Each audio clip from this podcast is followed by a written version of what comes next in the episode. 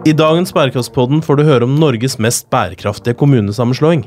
Vi spør hva som gjør en kommune bærekraftig, og hvordan den sikrer både økonomisk, klimamessig og sosial bærekraft.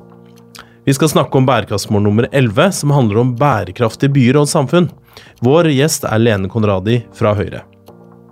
Hun er sannsynlig ordfører i nye Asker eh, kommune etter lokalvalget i høst. Mitt navn er Kim Gabrielli, og jeg er assisterende generalsekretær i UNICEF Norge. Vårt oppdrag er at hvert barn får overleve, vokse opp og få sine rettigheter innfridd.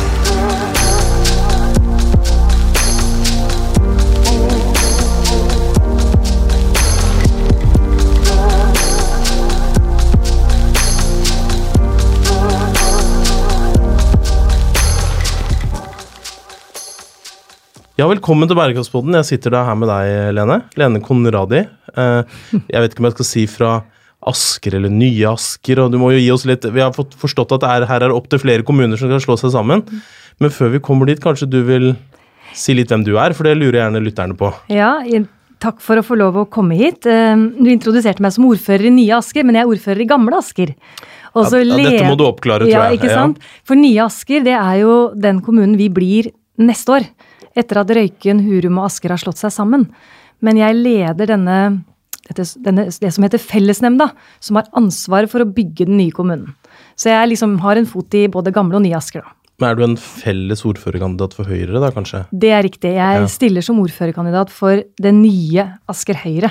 Ja, nettopp. ja, Det er jo viktig i vårt demokrati. Men det er klart at er vel, du har vel en ganske stor mulighet for å bli valgt, har du ikke det? Det er veldig ydmyk for hvert eneste valg, at det er det innbyggerne og velgerne som skal avgjøre. Men eh, jeg håper jo, har eh, veldig lyst til å få lov til å være med og, lede den nye kommunen, etter nå å ha sittet eh, og vært ansvarlig for å, for å forberede dette, da.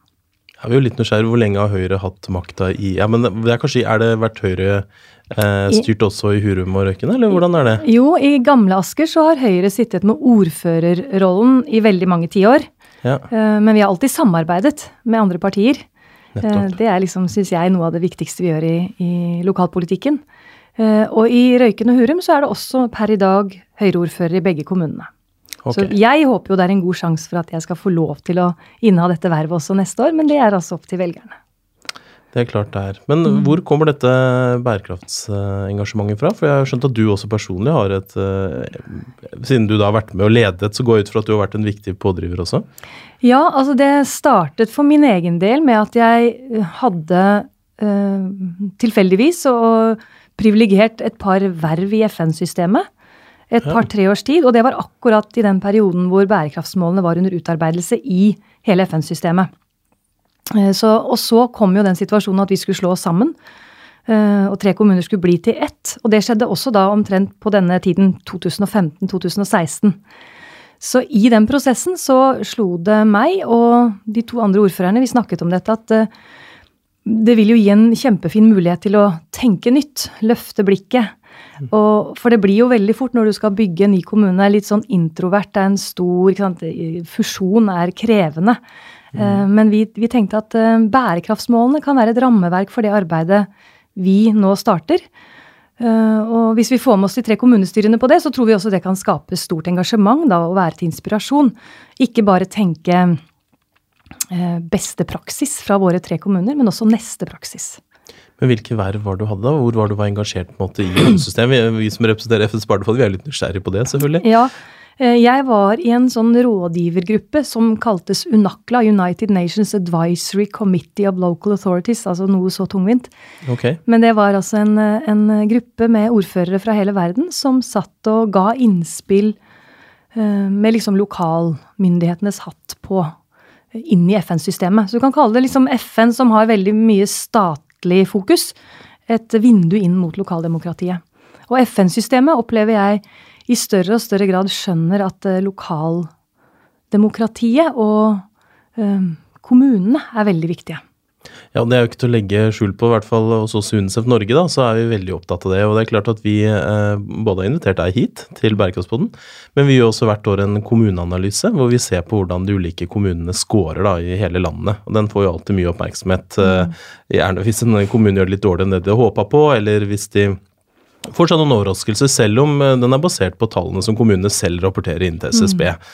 Mm. Det kan vi jo komme litt tilbake til. men jeg begynte med å si at uh, vi skal snakke om bærekraftsmål nummer 11. Og det er jo riktig. altså Det som går da på uh, lokalsamfunn og byer og hvordan de er uh, bærekraftige. Men vi skal selvfølgelig også snakke litt vidt om bærekraftsmålene, for det er jo mange andre mål som gjelder barna. Dere har jo valgt ut noen av målene som dere har særlig fokus på. Jeg tenker kanskje jeg kunne, for jeg, jeg tenker at det er andre som sitter og hører på nå, som, som tenker liksom Ja, det er jo vanskelig, det er jo veldig mange mål, da. Så hvordan har dere valgt å gjøre det? Hvordan har dere, jeg tror dere har et slags utvelgs, utvalgshierarki på et vis, ser det ut som i hvert fall i en av rapportene fra dere? Ja, vi har jobbet uh, sånn rett og slett litt metodisk for å finne ut av hvordan vi kan bruke disse målene rent praktisk. Uh, gjøre de relevante for en kommune. Alle målene er jo valgt ut fordi de er viktige, men vi har tenkt at vi må prioritere noen når vi skal lage en ny kommuneplan og, og, definere noen av målene som satsingsområder. Og da har vi forsøkt å se på relevansen disse målene har, og hvilke av målene vi kan levere uh, kanskje bedre på enn vi gjør i dag. Så da har vi løftet fram noen, og det er det en egen, en eget, et eget utvalg som ble eh, nedsatt, som jobbet frem en metodikk for, eh, for å bruke disse så, ja, For å lage dette som et rammeverk.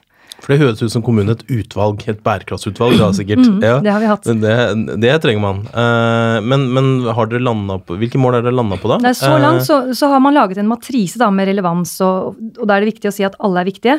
Og det går fra høy til høyest i ja, prioritering. Så liksom de som har kommet lengst jeg er fristende å si lengst til høyre, det pleier ofte å være ja, det. Ja, øverst til høyre er det vi sier da. Det er liksom det mest relevante. Men, mm. Og der vil jeg jo si at for enhver kommune så er det to mål av disse 17 som man aldri kommer utenom, for det er liksom kjerneoppgavene til en kommune, og det handler om god utdanning og god helse. 80% av et kommunebudsjett går jo til disse sektorene. Så innenfor de områdene der så, så vil vi alltid eh, tenke at her, her, vi, her har vi en mulighet for forbedring, her har vi mulighet til å levere mer.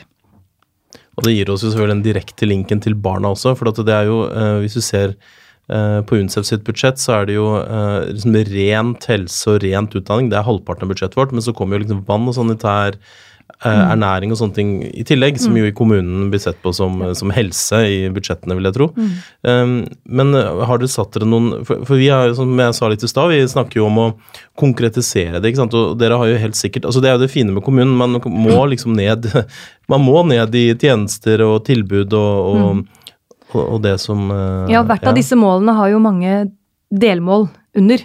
Uh, og vi er jo i en startfase nå. Hele Poenget vårt er jo å utfordre hele organisasjonen vår, slik at de tar eierskap til dette. Slik at alle enhetene innenfor oppvekst, som handler om alt fra barnevern til skole, barnehager, uh, helse At de også går inn i denne materien. Men det er som du sier, oppvekst og god helse er liksom gjennomgripende. Mens vi har jo også valgt ut eh, bærekraftige byer og samfunn som mål nummer 11. Og så har vi satt uh, handling mot klimaendringene høyt. For det mener vi er Ja, det er jo alles ansvar. Og hvis ikke vi gjør noe med det lokalt og tar et ansvar der, så, så vil ikke Norge kunne levere på det. Og så mål nummer 17 kom veldig høyt, og det eller den ble plassert egentlig midt i aksen. For det er partnerskap, det, ikke sant? Ja, medborgerskap, mm. partnerskap og, det, og samskaping. Og det er det målet jeg løfter høyest. For jeg tenker at skal vi liksom levere på alle de andre målene, så, så er vi avhengig av det. Det handler ikke bare om hva en kommune alene kan få til innenfor sine budsjettrammer. Det handler ikke bare om hva vi leverer av tjenester, det handler om hvordan vi får med oss sivilsamfunn. Både frivilligheten og næringslivet. Ja, for jeg så at dere hadde også løfta fram næringslivs, altså økonomisk vekst-målet, mm. og det er jo naturlig, altså både fordi pga. arbeidsplass, men også innen skatteinntekter til kommunen. Mm. Uh, men kunne du sagt litt mer om hva er det som er det viktigste med bærekraftsmål nummer 11? Altså, vi har jo mange lyttere som kan ganske mye om bærekraftsmålene, selvfølgelig. Mm. Men hva er det dere For jeg tenker det er jo et veldig, veldig generelt bærekraftig lokalsamfunn. Hva betyr nå det, liksom? Uh, det tenker jeg at det er eh, For å gi en liten introduksjon, rett og mm. slett, så vi kunne snakka litt rundt hva det målet egentlig går ut på. da. Mm. Jeg tenker at mye av det handler om en balanse for oss mellom vekst og vern. Eh, om å sikre innbyggerne våre tilgang på bolig, på trygg transport, på møteplasser, grøntområder. Eh, og det handler egentlig om arealplanlegging i stort, da. Og arealplanlegging, det, det påvirker innbyggernes liv. Men som jeg også sa, eh, det handler om å skape inkluderende møteplasser, og også bidra til at innbyggerne selv får muligheten til å delta i å utvikle sitt lokalsamfunn. Ja, for, Det er jo et interessant spørsmål, og sikkert et politisk spørsmål også, dette med hvor mye man skal regulere, hvor mye man skal legge til rette for. Hvor det i hvert fall sånn tradisjonelt er en forskjell på høyre- og venstresida. Eh, men kanskje ikke alltid på kommuneplan er det kanskje mer pragmatisk tilnærming ja. til det. Men hva, hva, tenker du om det? Ja, jeg tenker at uh, vi finner løsninger på tvers av ulike politiske partier, kanskje mer i lokalpolitikken. Uh, og sånn sett kan de politiske skillelinjene ofte liksom viskes litt ut, og man kan spørre seg hva er nå egentlig forskjellen på disse partiene. Uh, og det merker vi spesielt når vi bygger en ny kommune, at vi må legge litt partipolitikken til side. Og tenke at skal vi lykkes i dette store prosjektet, og det er innbyggerne som skal være i fokus, så, så finner vi omforente felles løsninger. Og det er til forskjell fra hvordan vi vanligvis leder og styrer en kommune i et kommunestyre, med posisjon og opposisjon, og flertall og mindretall. Så i en fellesnemnd så, så søker vi konsensus. Litt samlingsregjering over dette her. Ja, det er, det er litt, litt, gammel, litt ja, sus. Ja. Det er det, men eh, det er veldig spennende. Eh, og det tror jeg vi Vi høster noen erfaringer og tar med oss noen, eh, noen erfaringer inn i Nye Asker som jeg tror vi har veldig godt av. Ja. Uten at vi skal sammenligne krigen med kanskje kommunesammenslåing, selv om det kanskje har opplevd sånn noen steder i, i, landet, så virker det som dere har vært ganske harmoniske i den, i den Ja da, vi har våre store ja. diskusjoner vi også, men vi er ikke nødvendigvis på tvers av, av partiene. Det kan også være innad ja, i, i, egne partier, på hvordan vi liksom tenker om, om, hva som er viktig for den nye kommunen. Men vi finner altså løsninger på tvers, og det tror jeg er bra. Men Har du noen konkrete løsninger som dere har identifisert? For jeg tenker det er, liksom, Nå har vi snakka mye om at det er viktig med utdanning og, og, og eh, planlegging og, og regulering osv. Eh, dere har sikkert noen eh, sånn, eh, hva skal vi kalle det, noen flaggskip eller noen, noen kjerneeksempler på det? Vi laget en intensjonsavtale som vi er veldig stolte av. Som egentlig legger hele grunnlaget for den nye kommunen. Og da viste det seg jo at vi hadde veldig mye godt i bunn. Altså utgangspunktet fra våre tre kommuner, altså den praksisen vi har, tar vi jo med oss. Mm. Men, men, det å det å, altså Hvis du snakker om flaggskip, så det å løfte fram da bærekraftsmålene og lage et nytt rammeverk og tenke nytt uh, har vært viktig for oss. Og innovasjon, digitalisering og bruke denne anledningen som det å bygge en ny kommune gir, til å ja, uh, være åpne for nye løsninger. Jeg hadde ikke den slags, jeg, jeg leste meg jo litt opp da på forhånd. Jeg tror jeg hadde en slags velferdslab, var det det det het? Hvor dere investerer. Ja. Så jeg lurte litt på hva betyr det? For det, det høres jo flott ut det òg, men ja. hva betyr det? Hva investerer Hva er tanken at Er det noe Asker allerede har i dag, eller er det noe spesielt for den nye, nye Nei, det er kommunen, noe Asker, gamle Asker har utviklet. Altså alle kommuner jobber jo med innovasjon og tjenesteutvikling hele tiden. Uh, og hvordan kan vi få bærekraft? altså Definisjonen på bærekraft kan jo også være hvordan få til mer for mindre. Og ja. Der har du en utfordring for Kommune-Norge. For jeg tror ikke de økonomiske rammene for kommunene i framtiden nødvendigvis mm, kommer til å fortsette å bare øke og, og øke. Så, så hele uh, utfordringen blir jo da å finne nye måter å, mm. uh, å jobbe på. Å kunne sikre innbyggerne like god velferd, om ikke nødvendigvis for akkurat like mye penger per innbygger. Men det, har du noen eksempler på den uh, innovasjonslab ja, Hva det heter det? Velferdslab? Vi kaller det, det? Velferdslaben, som ja, betyr mm. at vi uh, Og det handler om mennesker som vi ser står i utfordringer, og særlig unge mennesker. Okay. Uh, og da handler det om å tenke på disse som ressurser, og investere i hvert enkelt menneske tidlig. Tidlig innsats. Og klarer vi det, og klarer vi å få med oss også, håper å si, også omgivelsene rundt hvert enkelt menneske. Altså involverer ikke bare kommunens tjenester på tvers, det er også viktig. Og det har vært en læring i seg selv. Men også da mm, hele apparatet rundt, altså frivilligheten, naboskap og familie. Uh, Bygger et slags økosystem og, og, og bruke det, det er jo så populært å si, rundt barna eller de unge. Ja. liksom. Ja. En annen ting som vi har gjort også, som vi har god erfaring med, som et resultat av at uh, nå ha, står vi overfor en utfordring vi ikke helt vet hvordan vi skal løse, det var jo da det kom veldig mange flyktninger. Uh, var det i 2015-16, tror jeg. Mm. Hvor vi med vår erfaring da, i å bosette enslige mindreårige påtok oss et ekstra ansvar for det i denne situasjonen, hvor det kom veldig mange. Og da inngikk vi et samarbeid med SOS Barnebyer. Det er en helt ny måte å tenke bosetting på. Ja. Eh, hvor du sier at dette skal være på barnas premisser.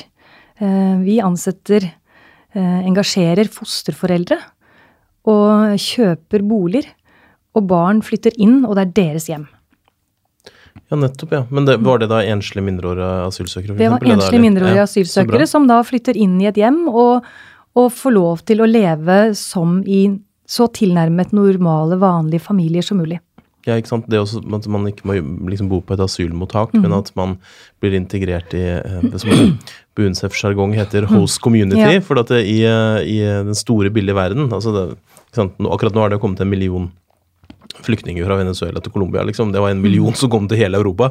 Det er klart, Da lever man jo i, uh, i mottakersamfunnet, om man vil. da, ikke sant? Mm. Mer enn at man bor i leir eller på mottak. Så det er klart at det gir en helt annen integreringsmulighet. da. Mm. Uh, så det er en spennende tanke, mm. tenker jeg. Så nå har vi mange Altså vi har jo fortsatt våre bofellesskap som vi drifter sånn som vi alltid har gjort. Med kommunalt ansatte som går på skift, uh, hvor også barna bor og har det veldig bra. Men det å teste ut da noen nye muligheter som det et SOS barnehjem kan gi eh, når du kommer som enslig mindreårig til en kommune, og alt er helt nytt, det, det har vi veldig god erfaring med nå. Men hvordan sant, For vi må jo enda litt lenger ned i grøten eh, når det gjelder bærekraftsmålene. For at du har gitt noen eksempler eh, allerede.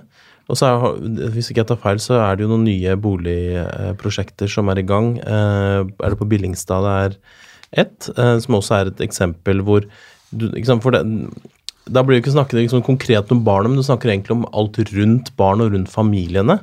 Uh, og da kommer jo selvfølgelig det som vi Vi er jo ofte vant til å tenke på klima når vi hører bærekraftsmålene, men som du har sagt også når vi snakka litt før uh, vi kom i gang, så, så, handler det jo både om den økonomiske bærekraften, altså næringslivet og økonomisk vekst, anstendig arbeidsliv. Mm.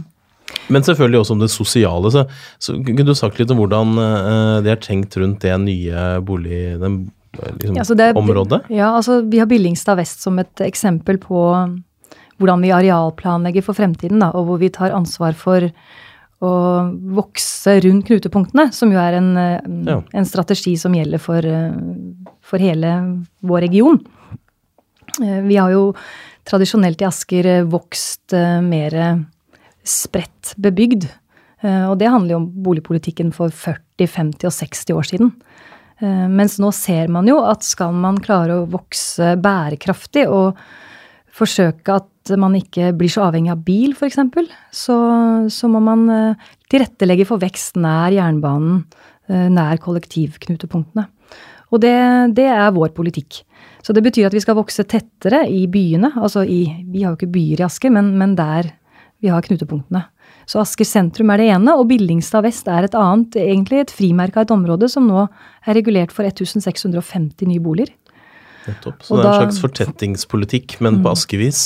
Ja, uh, ja, Det, jeg tror ikke det er Asker alene som gjør det på denne måten, men for oss er det litt nytt. Og, og det, det, er Forandring kan smerte litt også. Uh, vekst utfordrer jo på at det blir Vi er jo vant til i våre områder kork, kø og kaos i form av at det er mye biler. Ja. Og frykten for at dette skal bare forsterkes med den infrastrukturen vi har, den er der. Så dette med balanse mellom vekst og vern, og at vi bygger ut Eh, gitt at vi også får utviklet en infrastruktur, er viktig for oss. Men infrastruktur for oss, det handler om å, å legge til rette bedre for buss. Eh, ikke minst i forhold til pendling. Eh, hvor bussen i dag står i samme kø som bilene inn og ut av hovedstaden. Som jo er liksom en motor i hele regionen. Tilrettelegging for tog økt bruk av jernbanen, kan du si den er i veldig godt bruk. Det er nesten sånn i rushtid at du ikke mm. får plass på det toget. Ja, ikke sant. Så, så, bussen er veldig viktig. Men også med nye Asker, som får veldig mange eh, tettsteder langs fjorden, så ser vi for oss at eh, fjorden kan være en kollektivåre. Hvis man tør å satse på å, å etablere ferge, ferger som eh, får en god frekvens og blir, eh, blir tilgjengelig. Blir dere enige, tror du, med Eller det er kanskje Akershus uh, fylke, da. Blir dere enige med Oslo uh, ja, det, om, uh, ja. om motorveien? for det er jo viktig ja, det, for dere? Ja, altså det er viktig for oss at Oslo forstår at Asker ikke ønsker denne veien for å skape mer trafikk.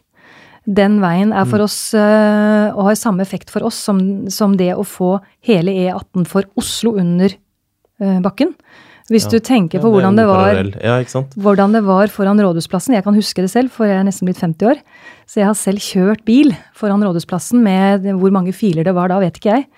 Uh, men de er også flyttet under bakken. Og det gjelder også for utviklingen av hele Bjørvika. Så for eh, Sandvika som område, for eh, Asker sentrum som område og Holmen som område, er jo det å få lagt den veien under bakken.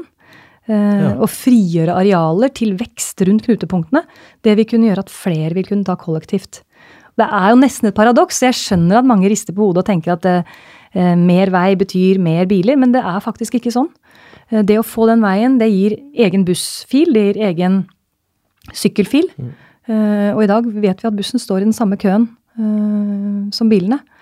Eh, så det vil gi et betydelig bedre tilbud for kollektivreisende å få en ny E18, selv om det høres paradoksalt ut. Og så ikke minst er, bor vi i et av landets mest tettest befolkede områder, som lider under støv og støy og forurensning. Og det er jo det Oslo i dag som miljøhovedstad er så glad for. Å kunne si at de har fått løst en del av de utfordringene som de hadde tidligere. Det høres ut som det må til litt arbeid mot Nasjonal transportplan for å, få, for å få det helt på plass. Jeg vet ikke hvordan det ligger an ja. nå med å få det under bakken. Det er, er det en del av den nåværende altså, E18 er heldigvis, eh, er heldigvis lagt inn i Nasjonal transportplan. Ja. Så, men rent ø, finansielt så er det jo bare første delen som er sikret ø, så langt. Ja, nettopp. Ja. Så det, det, er egentlig et spørsmål om når vi skal få gjennomført hele, hele traseen og sett i en helhetlig sammenheng. Men det kommer til å komme, og det er, det er helt nødvendig hvis vi, skal, hvis vi, skal, vokse bærekraftig i Asker. Og Billingstad vest var nevnt. Også den er avhengig av uh, en utbygging av E18 for å mm. kunne utbygges uh, helt og fullt. Men la oss da trekke det litt tilbake til eh, Jeg har da kikka litt inn i kommuneanalysen til UNCEF som, som, vi lanserer på slutten av året hvert år. Og der er det jo veldig mange tall da, og mange indikatorer. Vi ser da på vi sammenligner alle kommunene i Norge eh, på det som heter KOSTRA-tallene, som man da rapporterer inn til SSB. Eh, og da er jo da innenfor skole, eh, barnehage, barnevern, eh, fritidstilbud. Eh, og også den delen av helsetjenesten som ligger til kommunen. Og, og, da ser jeg jo at Asker altså da, da, kan vi jo ikke se på nye Asker, for det er jo selvfølgelig ikke noe tall for det ennå. Jeg har ikke tenkt å holde deg ansvarlig for Røyken og, og, Hurum. Men hvis jeg ser på Asker i dag, da, gamle Asker hvis vi kan kalle det det, så, så ser jeg jo at dere ligger ganske tett oppunder eh, landsgjennomsnittet. Men gjør det blant de beste i, i, altså i Akershus. Eh, og dere har jo gode tall på veldig mye. Jeg Ligger ganske sånn midt midt på i de fleste tallene og litt over, ikke sant. Mm. og så er dere veldig gode da på skal vi se her um, Skal vi se Ja, dere har jo veldig mange fagutdanning f.eks. i barnevernstjenesten. Mm. 5,7 uh, ansatte per, uh, per barn, for eksempel, per 1000 barn. Mm. Um, og dere uh, gjør det jo liksom generelt bra. Men så ser, er det en par ting da, som, som, jeg tenkte jeg skulle høre hvordan du tenker rundt. For en, Et av de bærekraftsmålene indikatorene sier dere skal se på, er dette med det som heter førskole. da, og liksom tidlig innsats på en måte i bærekraftsmålene. men vi ser jo da på antall pedagogisk ansatte i barnehagen. Mm. Og Der ligger det ganske lavt. Dette er sikkert en sak for Høyre, tenker jeg. Liksom, høy, høyere altså kompetanse blant de ansatte. Mm. Så jeg tenkte å høre litt hvordan du tenker på det. Og antall barn per lærer, er, eh, der ligger det også liksom i, i bunnsjiktet. Det er jo kanskje litt mer Arbeiderpartiet og venstresida sak, mm -hmm. sånn uh, ideologisk, men, mm. men, dette er selvfølgelig ting som alle partiene er opptatt av. Så hva tenker du rundt det? For da kommer vi liksom virkelig ned i mm. Hva er mulig å gjøre for dere, da? ikke sant? Nei, Vi har eh, sikkert, som alle, tror jeg, forbedringspotensialet på, på det meste. Men, men, alt handler ikke bare om hva du bruker i kroner og øre, selv om det er ofte det man blir målt på.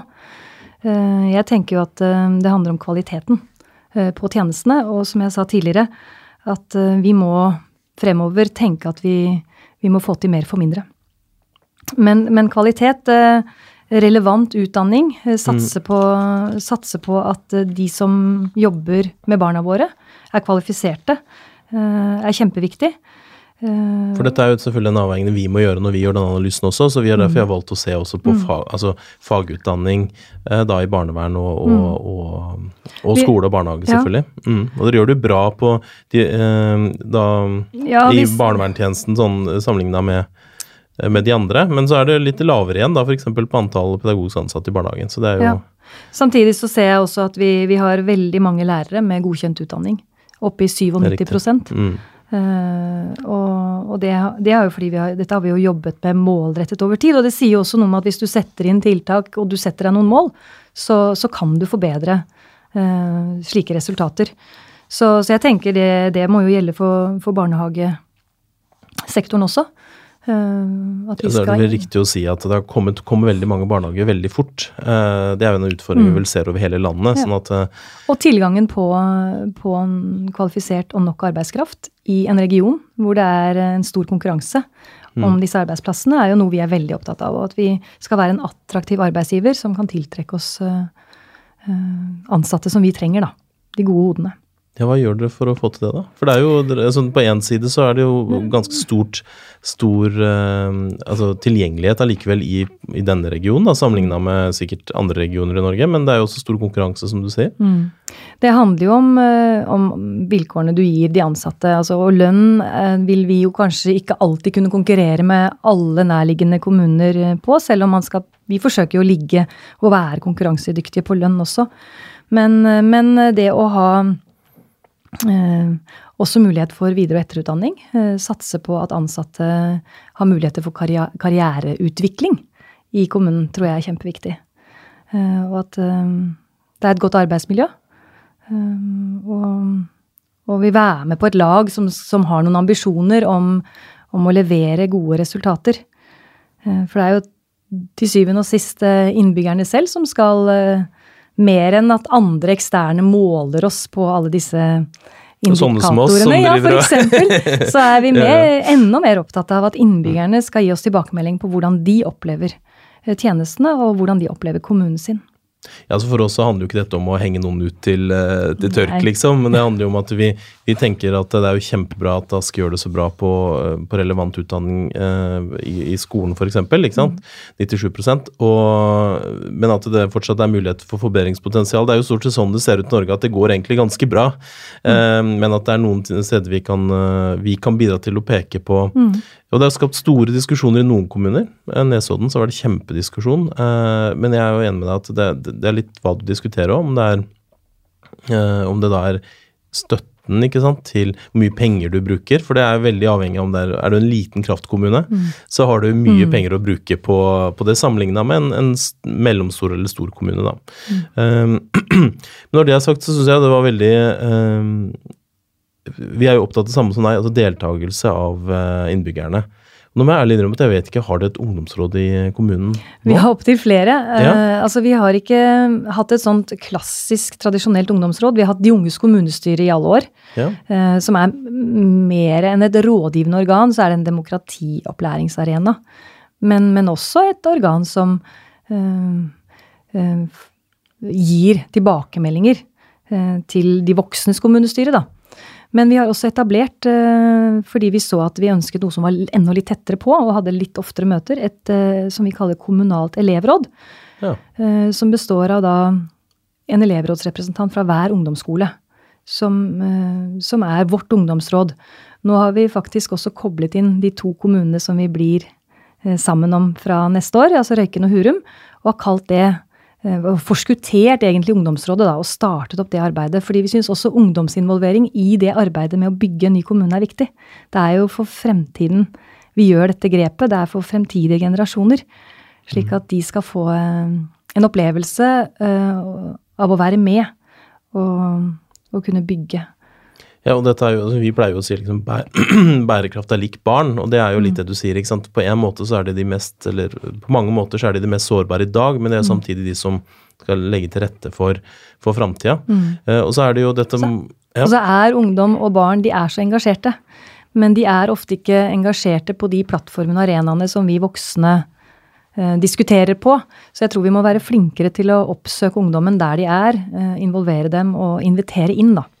Det høres ut som dere kan være en inspirasjon også for andre kommuner. For er litt, er litt Noen syns det er utfordrende, ikke sant. Uh, uh, og så er det ulike modeller, men det er klart det også koble, uh, i ulike kommuner, og mm. også til og med i bydeler, der hvor det er det.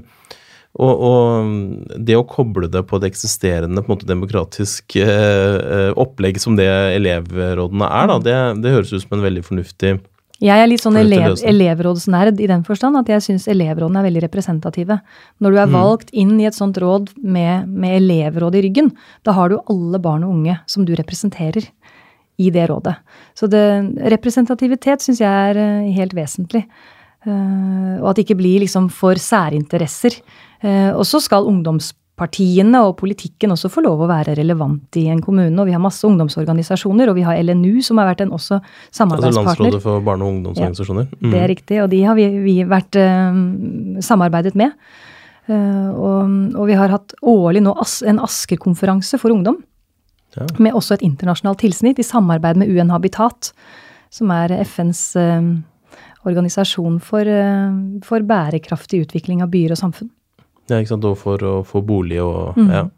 og de har jo også et eget um, ungdomsforum, hvis ikke jeg tar feil, som en av de få FN-organisasjonene som har liksom et offisielt, formelt forum. Ja.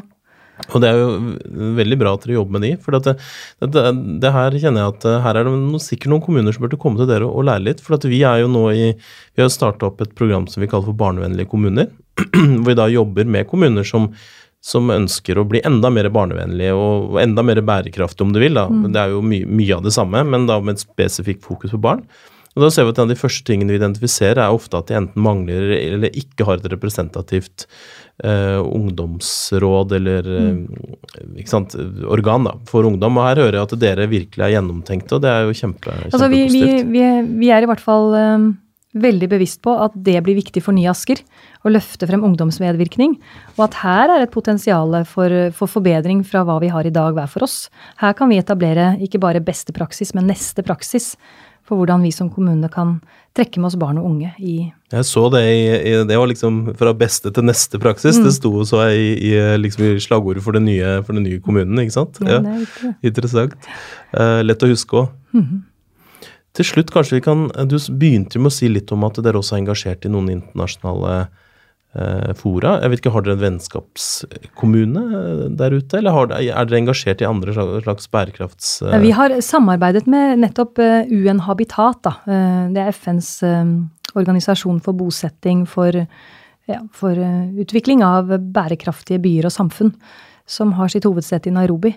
De har hjulpet, og de er, som du sier også mm, et eget ungdomsorgan som er veldig aktivt. Så, så, i den forstand har vi samarbeidet med dem om disse ungdomskonferansene eh, i Asker. Eh, så det er vel kanskje det mest eh, nærliggende internasjonale samarbeidsfora vi har, da. Ellers så har jo skolene våre også ulike prosjekter de, de er involvert i. Og så har vi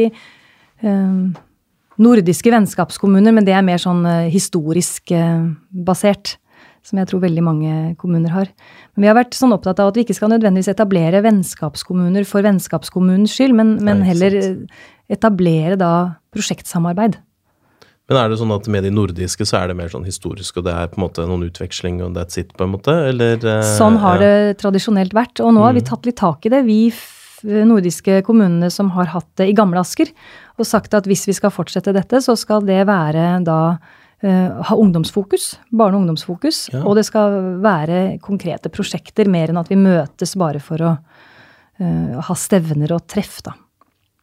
Nettopp. Men jeg, jeg, hører jo at dere er veldig bevisste her, så, og så får vi jo sende en liten sånn eh, liten takk, eh, takketanke til Utenriksdepartementet, som er med og, og finansierer eh, ungdomsforumet eller ungdomsorganet til eh, mm. UN Habitat. Mm. Eh, og her eh, hører jeg at vi kunne sikkert snakka ganske mye lenger om dette. Mm. Vi begynner å nærme oss slutten av podkasten, men jeg tenkte jeg skulle høre litt med deg. Har du noen ting du brenner inne med? Er det noen ting du har tenkt at du ville si da, som jeg på en måte ikke har kommet til? Nei, nå tror jeg vi har dekket veldig mye, men jeg, det er kanskje sånn ikke som å banne i kirken, men det å, det å få lov til å være med og slå sammen kommuner. Ja. Eh, det er faktisk mer spennende og, og har gitt oss en merverdi. Eh, ikke minst har vi fått da muligheten til å løfte fram denne tenkningen rundt bærekraft, som vi ellers kanskje ikke hadde tatt tak i på samme måten. Så min oppfordring er jo at uh, flere følger etter og bruker Flere som slår seg sammen? Ja, det, det kan jeg også oppfordre til. Det er, det er, krevende og komplekst også, jeg skal ja, ikke under, underslå det. Men, men, hvis man uh, Vi har i hvert fall funnet ut at dette, dette, er, dette kan også være inspirerende. Og, og vi tror på at dette vil gi bedre tjenester for våre innbyggere i framtiden enn om vi sto hver for oss. Men det, Kjenner du til andre kommuner som har gjort noe tilsvarende? Eller? For jeg mener at jeg ikke kjenner til, altså Selvfølgelig så har du jo sånn Oslo skal være miljøhovedstad osv., men det er jo litt annen inngang eh, enn en det dere har valgt? Nei, jeg kjenner ikke til kommuner som har så konkret sagt at eh, nå skal vi bruke bærekraftsmålene som rammeverk. Men jeg, jeg, hører nå at flere og flere melder seg på det og ser, eh, ser muligheten det kan gi. Så skal ikke se bort ifra at uh, den metodikken vi også har utarbeidet, den, er jo bare, den ligger jo der tilgjengelig for alle. Den kan oppskaleres rett og slett til andre kommuner? Ja, og ja. den har også UN Habitat fattet interesse i. Så, så, jeg tenker jo at dette må jo Norge være interessert i å, å få gode eksempler og caser fra Kommune-Norge. For det handler jo om å gjøre disse målene relevante for oss alle. Ja? Eh, Norge kan jo ikke rapportere på bærekraftsmålene hvis ikke kommunene gjør jobben. Nei, og dette er, jo, dette er jo tanken bak barnevennlige kommuner òg, men jeg hører at det kanskje er en idé å, å se på hvordan bærekraftige barnevennlige kommuner kan bli til, til ett konsept. For det vi ikke ønsker, er jo konkurrerende konsepter, på en måte. Vi ønsker jo å ha noe som eh, KS, da, Kommunenes Landsforbund, og, og, mm. eh, eh, og, og og de ulike kommunene faktisk kan eh, skalere opp, mm. og at flere kan ta det i bruk. Og at man mm. kanskje også kan etablere en eller annen form for samarbeidsforum, sånn at man ikke, ikke sant, kan utveksle erfaringer. Eh, jeg tror Tønsberg også er i gang med, eh, med noe knytta til bærekraft, så, sammen med Uh, sammen med KLP, hvis ikke jeg tar feil. Uh, sånn at det skjer tydeligvis ting der ute. Det skjer mye. Asker er ikke alene om å ha eierskap til bærekraftsmålene, men måten vi har gjort det på, er kanskje litt annerledes. Eh, selv om jeg nå ser at Viken sier at de vil gjøre mye av det samme som ja. region. Eh, rett og slett bruke bærekraftsmålene som rammeverk. Eh, så nei, jeg, jeg, tenker at her må vi bare la oss inspirere av hverandre. Her må vi hente erfaringer, dele og utveksle kunnskap og erfaringer, så, så flere kan bli inspirert av det. Og Det er jo virkelig kjernen av det du egentlig starta med å si, at bærekraftsmål nummer 17, altså partnerskap, er helt avgjørende. Skal vi kunne levere. Mm. Eh, og med det så vil jeg si tusen, tusen takk for eh, dagens eh, podkast, Lene Konradi. Tusen takk for at jeg fikk komme. Hvis dere lurer på mer om bærekraft, så kan dere gå inn på unicef.no slash bærekraft med æ, og høre på de andre podkastene i rekken. Takk for i dag.